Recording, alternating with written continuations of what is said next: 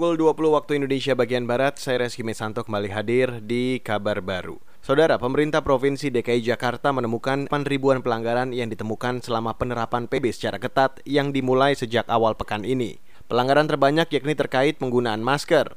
Sekitar 7.800-an orang ditindak karena terjaring razia tidak mengenakan masker ketika beraktivitas di luar rumah. Wakil Gubernur DKI Jakarta Ahmad Riza Patria mengakui bahwa tantangan saat ini adalah menertibkan masyarakat untuk mengenakan masker, termasuk ketika di dalam mobil. Kami memahami, menyadari, memang kalau dalam mobil sendiri tentu potensi penyebarannya kecil sekali, apalagi cuma bernapas atau mungkin cuma makan, minum. Namun peraturannya sudah dibuat oleh Presiden sendiri bahwa siapa pun yang keluar rumah wajib menggunakan masker tanpa kecuali. Nah, jadi memang itu aturannya sehingga mungkin petugas ya pakai kacamata itu ya kami memahami itu memang tidak mudah ya. Jadi sekali lagi dari tiga, tiga M itu memakai masker, menjaga jarak, dan e, mencuci tangan, sebetulnya yang paling berbahaya itu yang pertama yang tidak menggunakan masker.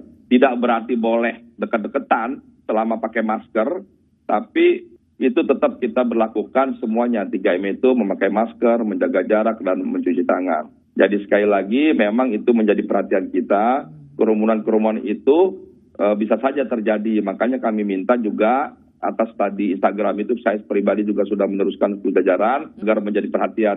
Selama PSBB ketat juga ditemukan perkantoran dan restoran yang melanggar protokol kesehatan meski jumlahnya sedikit. Dari sidak yang dilakukan, ada 12 kantor yang melanggar dan diberi teguran tertulis dan ada 160-an tempat atau fasilitas umum restoran yang melanggar.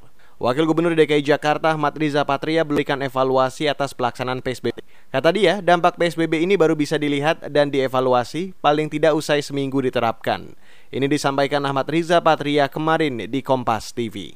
Beralih ke informasi selanjutnya, empat pemuda Rohingya asal Malaysia ditangkap di kamp pengungsian di Gedung Balai Latihan Kerja atau BLK Kota Lok Sumawe Jumat petang. Saat ditangkap, mereka beralasan datang untuk membesuk keluarganya yang dikarantina di pengungsian tersebut. Juru bicara Satuan Tugas Penanganan Pengungsi Rohingya Lok Sumawe, Marzuki Yunus mengatakan, keempatnya kini tengah diperiksa imigrasi dan kepolisian. Ia mengaku tidak mengetahui motif asli mereka. Sekarang mereka sudah ditangani oleh imigrasi migrasi lah diminta apa apa dilakukan pendataan kan yang lainnya kita kan nggak tahu apa bagaimana mekanisme yang ada di migrasi kan Jubir Satgas Penanganan Pengungsi Rohingya Lok Sumawe Marzuki Yunus Warga Rohingya yang dikarantina di gedung BLK Lok Sumawe terbagi dalam dua gelombang. Gelombang pertama terdampar berjumlah 99 orang di pantai Kuala Jambo Aye, Kecamatan Seunudon, Kabupaten Aceh Utara pada Juni lalu. Sedangkan gelombang kedua berjumlah 290-an orang yang terdampar pada 7 September lalu. Kini kita beralih ke berita mancanegara. Presiden Amerika Serikat Donald Trump dituduh pernah melakukan pelecehan seksual pada seorang model bernama Amy Doris saat turnamen tenis Amerika Serikat pada 97 silam.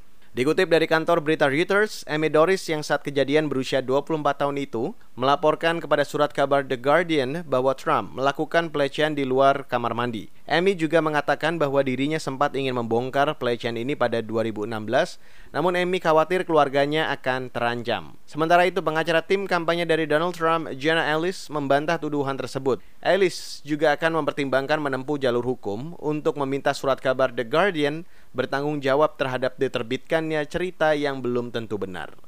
Demikian kabar baru KBR saya Reski Mesanto.